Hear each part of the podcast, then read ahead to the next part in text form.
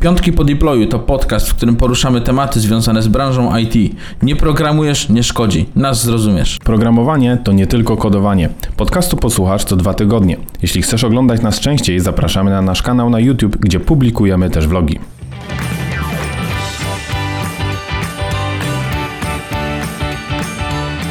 Witamy w kolejnym odcinku Piątków po deployu. W tym odcinku opowiemy o pieniądzach, zarobkach w IT, ale to zaakcentowałem Mateusz. Po prostu czuję wewnętrznie wibracje, jak słyszę o zarobkach.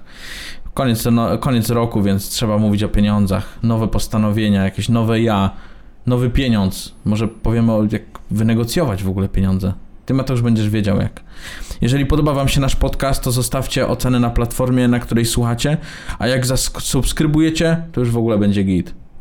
Mateusz, powiedziałem o pieniądzach. Widziałem, że się striggerowałeś. Mów, co wiesz. Właśnie dobrze że nawiązałeś, że jest końcówka roku. Taki czas bardzo refleksyjny, podsumowania w firmach, no i pieniądze. Miłosz, czy można już powiedzieć słowo programowanie, branża IT bez słowa pieniądze? Nie, To, już są synonimy. dobrobyt, luksus, przesyt, pycha. Pycha. Nie, to pycha. Chciwość? To się, chci... Nie, to nie. Nie? Mateusz, to nie, nie, są, nie wymieniamy 10 najpopularniejszych grzechów u programistów, czy tam osób w branży IT po prostu. No. No dobra, ale porozmawiamy o tych zarobkach. Czy y, wiemy, że one rosną, tak? Rosną? Cały czas. A, tak jak szybciej niż inflacja. Na pewno. No właśnie. I to, I to już jest plus. Chociaż, a nie sądzisz, że to jest jakaś bańka? Że to kiedyś pęknie? O wielu rzeczach można tak powiedzieć. Og- Ogólnie mówi się, że jesteśmy, jest na to takie określenie, y, na jakby końcówce całego okresu takiego wzrostu i, i dobrobytu, tylko że to się mówi już od roku, od dwóch lat i on nie chce przestać. Kiedyś będzie musiał. Y, Ja w ogóle widzę, że w takiej sferze powiedzmy blogowo-vlogowej, finansowej bardzo wiele osób wybija się trochę właśnie na straszeniu tym Mhm. kryzysem. Przy czym ja tu byłbym bardzo ostrożny, nie czuję się też na siłach, żeby mówić, że to już będzie. Po prostu bardziej opowiedzmy, jak jest teraz. Mhm, mhm, dobra. Okej, to co? Yy, masz Mateusz tutaj wypisane 6 punktów, widzę. Takich głównych punkttów, gdzie szósty punkt to jest nowy wał, więc czekajcie. Tak jest. Okej, punkt pierwszy. The Great Resignation. Jakbyś Tak, mógł Mateusz tak, tak. wyjaśnić. Wiesz co, zastanawiamy się właśnie, na ile jest to właściwe określenie dla tutaj naszej sytuacji w Polsce. No to określenie jest bardzo popularne w USA. E, Szczególnie ostatnio popularny zrobił się też e, Reddit e, Anti-Work. Mhm. Mimo wszystko tam jednak mają zupełnie inne warunki zatrudnienia, zupełnie inne warun- warunki w ogóle pracy niż, niż u nas. I to The Great Resignation w dużej mierze, jak ja sobie analizowałem, łączy się w USA z tym, że firmy wymagają od pracowników powrotów do biur, Mhm. gdzie pracownicy jednak w USA, w tych dużych aglomeracjach, dużo więcej czasu tracą na dojazdy. Tak. Wydaje mi się, że mają mimo wszystko mniej elastyczne warunki pracy, na pewno mają mniej jakichś urlopów L4, Mhm. tego typu W ogóle rzeczy. chyba urlopów nie ma w Stanach jako takich, nie? Wiesz co, pewnie zależy od stanu, nie czuję A, i o, okresy wypowiedzeń są takie bardzo krótkie. A, krótkie? To- tak? Że jak wyjdziesz, to cię ochrona wyprowadza na zewnątrz nie. i Ale koniec. nie, to tak jest, no bo u nas takie popularne jest tam gdzieś miesiąc, dwa, trzy Tak. na przykład, tak dalej. I niektórzy uznają to za plus, niektórzy za minus, ale y, raczej w Stanach jest tak, że możesz z dnia na dzień po prostu stracić robotę i, i tyle. Nie? Tak. Więc ogólnie to, to The Great Resignation polega na tym, że ludzie zobaczyli, że firmy mogą funkcjonować e, zdalnie e, i to działa, natomiast zaczynają wymuszać te zasady, które były wcześniej. Ludziom to się nie podoba, bo powiedzmy widzą, że równie efektywnie mogą swoją pracę wykonywać e, w domu. Mhm. Nie wiem, czy to jest u nas osobiście główny powód, bo jednak wiele e, firm nadal pozwala na pracę zdalną, hybrydową, tą elastyczność stawia. Słyszeliśmy o kilku większych graczach też na rynku polskim, którzy mówili, że ok, dwa, trzy dni trzeba być w tygodniu w biurze, ale to jest e, rzadkość. Mm, Mimo wszystko w Polsce nadal widzimy na pewno zwiększoną rotację e, w ogóle pracowników na rynku IT. Wydaje mi się, że powody mogą być troszeczkę inne. Mhm. Okej, no ale to pewnie co, no bo popatrzymy sobie tak, osoby pracują zdalnie, mają mniejsze przywiązanie na przykład do firmy, tak? Mhm. To dlatego może być większa rotacja, bo też mogły być, no z powodu tego też, że nie chciały wracać do biura na przykład, a firma ich zmuszała, więc nie miała tej pracy, nie wiem, hybrydowej na przykład, bo też widzimy, że jest wiele osób, które chcą pracować z biura jednak, a praca zdalna im niekoniecznie odpowiada, a w ogóle już połączenie tego w taki sposób, że część pracujesz z biura, część z domu na przykład i tak dalej. Powiedzmy, nie wiem, pokłócisz się z żoną i idziesz do biura, nie? Wiesz co? y, Mieliśmy to już na to odpowiedzieć w ogóle.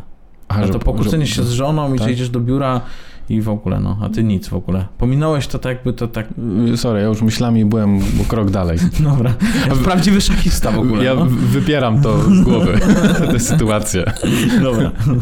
Wiesz co, chciałem nawiązać tego, że właśnie rzeczywiście y, dużo trudniej na pewno zbudować kulturę organizacyjną zdalnie, ale też dużo łatwiej zmienić pracę, kiedy się pracuje zdalnie, no bo właściwie to Mhm. nie ma dla ciebie różnicy, że siedzisz przy biurku, robisz dokładnie to samo, y, w ten sam sposób, na tych samych programach. Przelew robi tylko ktoś inny. No dokładnie, tak? I, I robisz samo, więc zmiana pracy na pewno jest dużo, dużo łatwiejsza niż była wcześniej, no bo już same rozmowy rekrutacyjne odbywają się zdalnie.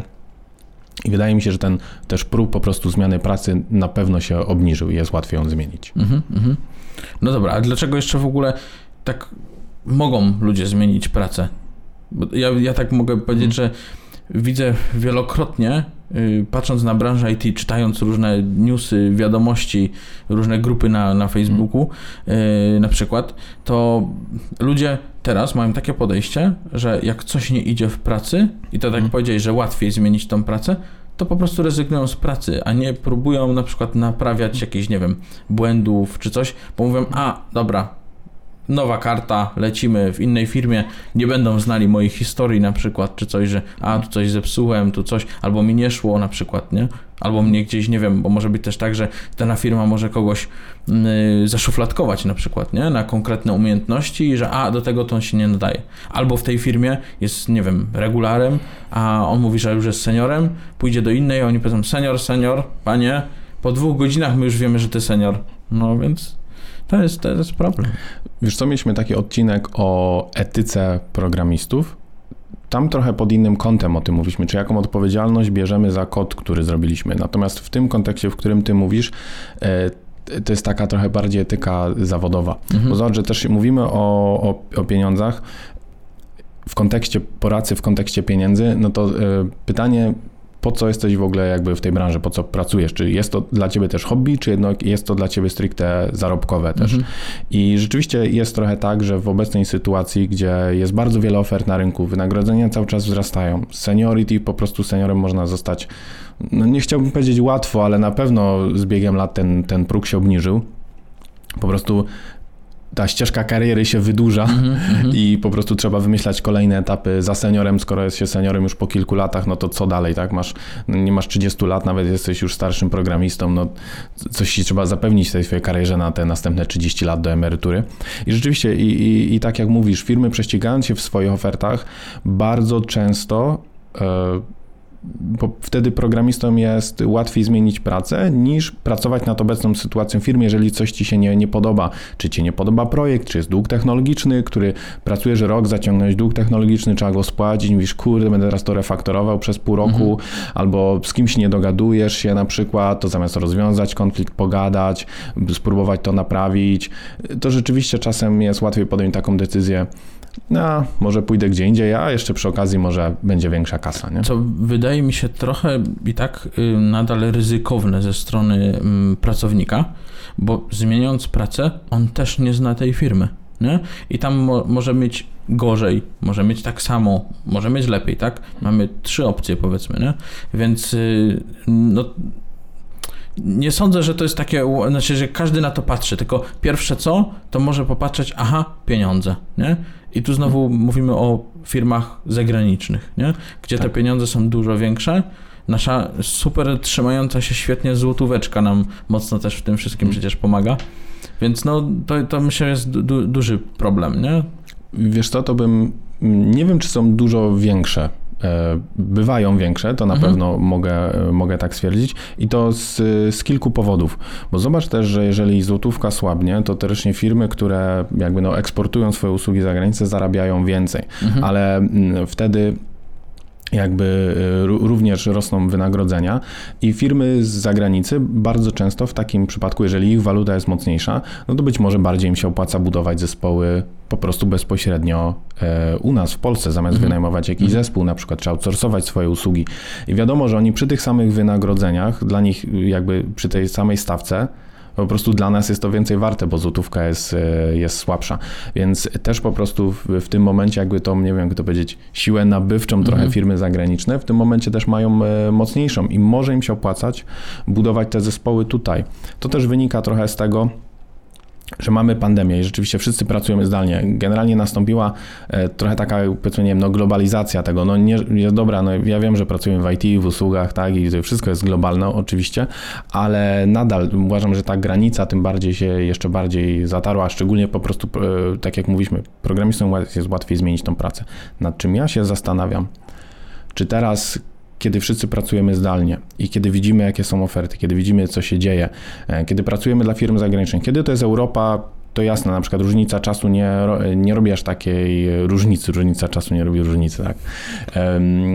Różnice kulturowe też nie są takie duże, ale kiedy pracujemy dla, dla firm, nie wiem, na przykład tak z Azji albo w ogóle w innej strefie czasowej, wydaje mi się, że po pewnym czasie może być to jednak męczące mhm. i zastanawiam się, czy za rok, za dwa, za trzy lata, ciężko powiedzieć kiedy, nie zobaczymy takiego wręcz ze strony pracowników chęci powrotu do biura. Tak jak teraz z Wielkiej Brytanii wracają przy tym Brexicie. Brexicie tak. No ale nie, dużo wróciło, nie? Polaków hmm. jednak. Nie wiem, czy programistów, bo może tam swoje pakiety przenieśli tu po prostu. Wiesz co, ja bym jeszcze powiedział, że w kontekście tego, jak się programiści zapatrują na zarobki, ważne jest też na jakim etapie życia trochę są. Bo mhm. zobacz, że po studiach zaraz, kiedy szukasz pierwszej pracy, jesteś bardzo ambitny, masz pełno energii, chcesz się każdy dużo uczyć. Każdy jest ambitny w tej branży. Dobrze i każdy ma pełno energii. Tak. tak, no każdy jest ambitny, Ale każdy to, chce to się prawda, rozwijać. no to prawda, no bo jednak te, w in, każdym momencie mm. swojego życia będziesz szukał trochę czegoś innego. Dokładnie. Nie? W pewnym momencie będziesz szukał, yy, nie wiem, stabilizacji tego, żebyś mógł bez problemu zająć się dzieckiem, mm. pomóc tam żonie na przykład i tak dalej. Tak. W, w, nie wiem, kupno domu czy coś, więc jakiś tam może kredyt, gdzie kredyt, co, co ja powiedziałem, kredyt, za gotówkę programiści kupują teraz. No, no to, więc chociaż teraz z kredytami może być trudniej, bo ta jednak wybór no. rośnie tam. I... No i wszyscy przejdą na ryczał, do, zaraz dojdziemy do tak, tego, tak, to tak. E, chociaż myślę, że te zasady przydzielania kredytów na ryczałcie mogą się zmienić. Zobaczymy. Pewnie, pewnie tak. No. E, dobrze. Mateusz, czy chcesz poruszyć punkt czwarty? Nie będę go czytał, bo on jest tak tajemniczy. Jest. jest to tajemniczy. Wydaje mi się, że mamy już kilka jobboardów, które mają w miarę ustabilizowaną pozycję i które większość kojarzy. Kil, kilka lat temu tych jobboardów pojawiało się coraz więcej, one były, znikały i tak dalej. Mhm. Mamy teraz kilka takich typowo dedykowanych do IT, ale widzę, że e, duzi gracze, którzy e, e, też już wcześniej na rynku istnieli, robią jobboardy typowo dedykowane pod IT. No to pokazuje, że ktoś musiał zbadać ten rynek i musiał zobaczyć, że mimo wszystko dalej warto w niego iść. Szczególnie to też widać, co z, co co z piątym punktem to trochę połączę, ilość ofert nie tylko dla programistów, ale również dla rekruterów i rekruterek. Mhm. Też, się, też jest teraz problem ze znalezieniem osób do HR-u i ogólnie do rekrutacji. żaden problem. Ja napisałem jeden post na LinkedInie tak. i od razu tyle osób się zgłosiło, że ja nie mogę na wiadomości, nie nadążam z odpowiedzią na wiadomości. Naprawdę. Ale to na oferty pracy wysłane tobie? Nie, bo ja zrobiłem taki myk i patrzę, bo miałem, wiesz, no wiadomo, rekruterzy na LinkedInie hmm. dodają ciebie, nie dlatego, na przykład mnie, nie dlatego, że chcą mnie zrekrutować, bo przecież wiedzą, że nie dadzą rady unieść tak grubego tematu, to, to oni robią to po to, żeby móc wysłać wiadomość do moich znajomych, których okay. ja mam na LinkedInie, wiesz, do ciebie hmm. na przykład, no. nie? No nie jesteś takim grubym tematem. E, I nie, ale patrzę i mówię, a ilu ja mam rekruterów? No przecież to jest okazja w przebraniu, jak to hmm. mówił Michał Lisewski w jednym z tak. podcastów przecież, nie? E, więc y, no, to tak, no ale jest, jest, no, braki są we wszystkich chyba teraz y, y, różnych stanowi na różnych stanowiskach tak naprawdę, nie? Od rekruterów po programistów i, i nie wiem, testerów, no wszystkiego brakuje tam tak naprawdę, Wszystkiego. Nie? No. To jest w ogóle mega duże wyzwanie dla firm, nie? żeby tak szybko rosnąć. No bo Hmm? zapotrzebowanie jest duże, to jak oni nadążą z tym wszystkim, żeby poukładać te procesy? To jest w ogóle, Mateusz, temat, który mógłbyś mówić pewnie 40 godzin na ten temat. y, O, o skalowaniu i, i tak dalej tych, tych zespołów i, i, i strukturze, jak to mogłoby by wyglądać. Bo nie wiem, czy wiecie, ale na pewno wiecie, że Mateusz tym się zajmuje w Merrick Studio przecież, nie? Więc... Tak się składa, że ostatnio, w ostatnim roku całkiem sporo urośliśmy i rzeczywiście dużym wyzwaniem jest dla nas poukładanie jakby procesów, y, ról, struktury y, po prostu w dużo większej firmie. Firmie, która też y, jednak ma plany na to, żeby się rozwijać dalej. Jakby Ale ja bym powiedział, że rozwijać się, ale rozwijać się mądrze. Tak, Mądrze. W sensie tak, wiesz, Tak. Zdrowo. O, Czyli może zdrowo. bo chodzi o to, jak zaprojektować procesy, które działają przy 100, 200, 500 i może 800 e, Mhm. osobach. Nie? Żeby nie projektować procesów i struktur ról, z których wyrośniemy za rok czy, czy półtorej. Tak. Ale to rzeczywiście na osobny e, No, nie temat. na poruszaj osobny Mateusz tego tematu, bo czuję się skrępowany, Bo- bo, bo- ty nie tyle o skończę, tym bo nie wiesz po prostu, że No. źle się z tym czuję. Już są różnice. To, że ktoś o czymś dużo mówi, nie znaczy, że dużo wie na ten temat. No, jak Mateusz, ty mnie, ty mnie tym kupiłeś, ty wiesz, że zawsze jak dużo mówisz, to mnie kupujesz takimi rzeczami. No to trzeba umieć odróżniać, wiesz? Od osoby, które rzeczywiście coś wiedzą, a które umieją coś mówić. Ale ja mówię, że ty umiesz mówić i, i wiesz. Ciekawe, No. ciekawe jak to jest z naszym, naszym podcastem. Czy my rzeczywiście coś wiemy, czy tylko potrafimy o tym mówić? Ale muszę powiedzieć, Mateusz, że masz bardzo duży brak kultury. Brak kultury. Bo ja tobie słucham. tak słodzę i w ogóle, a ty mi nic. Dobrze, Miłosz, umiesz y, nawijać makaron na uszy kandydatom na LinkedInie i rekruterom również. Nie umiem właśnie. Nie umiesz. Ale makaron robię dobry, no. no.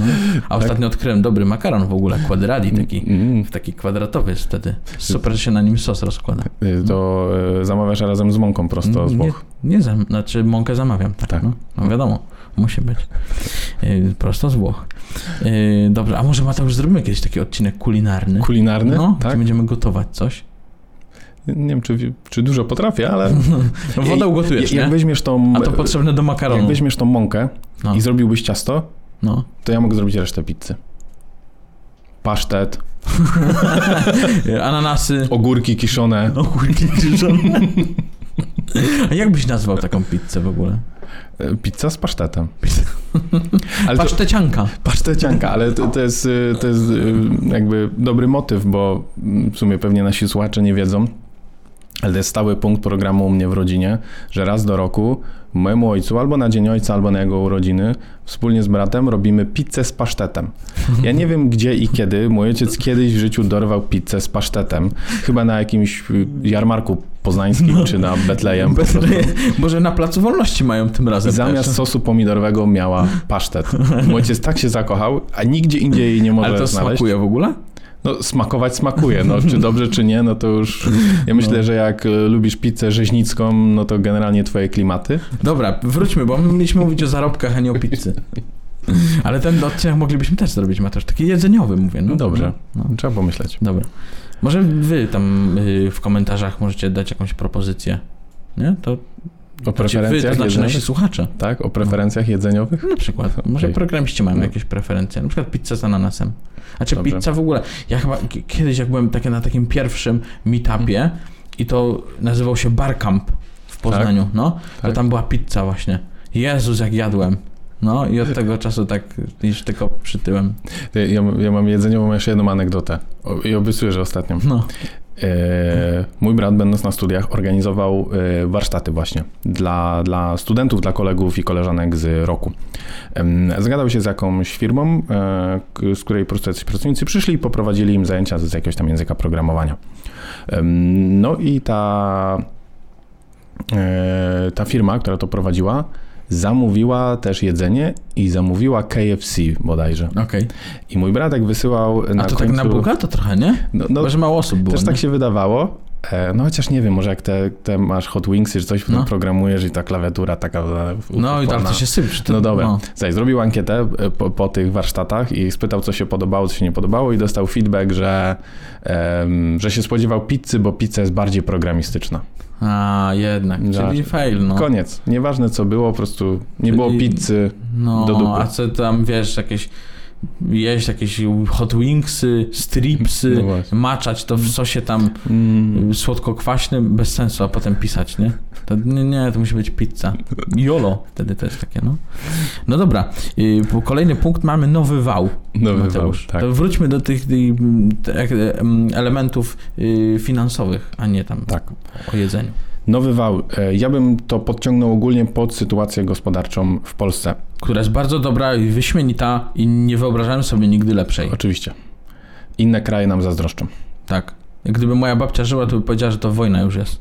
Sytuacja jest jaka jest i powiedzmy obojętnie jakie masz zdanie na ten temat, wśród społeczeństwa ogólnie na pewno jest duża niepewność co do przyszłości e, i też jakby stabilności finansowej. I teraz inflacja rośnie, e, zarobki... Ale tam przesadzasz, że rośnie tam. Coś sobie idzie tam do góry, lekko Tak. tupta. I ja wiem, że zarobki w IT i tak rosną szybciej niż rośnie inflacja. Generalnie to jest jeszcze tak, że ta inflacja jest różna dla każdego. No, każdy ten taki podstawowy koszyk zakupowy ma różny i różne produkty kupuje. Podobno mówi się, że szczególnie dla osób, które zarabiają mniej, ta inflacja jest dużo wyższa. Dla osób, które zarabiają więcej, jeżeli ona jest niższa, no to nie odczuwają jej tak bardzo. Ale do tego mamy rzeczywiście to, co z, y, wspominaliśmy wcześniej, jakby y, y, słabnącą walutę naszą, Mhm. mamy nowy wał. Myślę, że wielu programistów już znalazło na to rozwiązanie, po prostu przechodzą na ryczałt, część jeszcze kombinuje z, z IP Boxem, ze spółką być może, czy rozliczają się po prostu z, rodzinnie tak, że dzielą sobie Tak, gdzieś tak. te, te progi i tak dalej. Myślę, że większość osób sobie tutaj poradzi, ale mimo wszystko taka ogólny niepokój e, co do przyszłości jest z tym związany, więc większość osób może mieć też większe oczekiwania finansowe, żeby się poczuć bardziej bezpiecznie, więc te finanse będą dla nich może nie o tyle, nie wiem, najważniejszym, jeżeli już nie były, to na pewno ważnym czynnikiem i, i po prostu przez to, że tak dużo się o tym mówi, to też wiele osób mimowolnie więcej o tym myśli. Mhm. No jednak nie, nie każdy, znaczy najważniejsze chyba dla pracownika teraz jest tak, żeby po nowym roku po prostu nie stracić, nie? Bo to by była trochę, trochę lipa po prostu, nie? E, Z, tymi, z tymi zarobkami. A drugie, czy ktoś zyska, czy nie, to też tam jest inna sprawa, indywidualna, bo możliwości jednak jest trochę. No ale no co, zob- zobaczymy jak to w ogóle będzie e, tak naprawdę, bo pewnie jeszcze przed północą, przed Sylwestrem tam coś nowego się pojawi No, i tak, będzie, będzie. że nie ma ryczałtu. Podpisane No, będzie. no. Że nie wolno, ryczałt skasowany. Tak, tak, ale widziałem, że przez to, znaczy nie wiem, czy dużo osób sobie zdaje z tego sprawę, ale nowy ład y, powoduje, że pieniądze trafiają od, od razu do, do y, państwa, do, a nie do miast, więc tak naprawdę będą podniesione wszystkie podatki. Nie wiem, Hmm. transport będzie droższy i tak dalej. I widziałem też ostatnio mm, wi- wiadomości takie, że y, ludzie zaczynają zauważać, że wszystko drożeje. Co jest w ogóle niesamowite, bo to nie drożeje od wczoraj, więc, no ale zaczynają zauważać, nie? Myślę, że programiści mają dość łatwo, bo jednak potrafią liczyć w jakiś sposób, nie? Jakby nie patrzeć. 7% na przykład inflacji, a podwyżka taka, no to mówi to mojej podwyżki jest tyle i tyle, konkretnie, nie? Więc y, mogą sobie to łatwo, łatwo policzyć. Tak, tylko tu bym chciał coś dodać, sorry, że ci przerwę.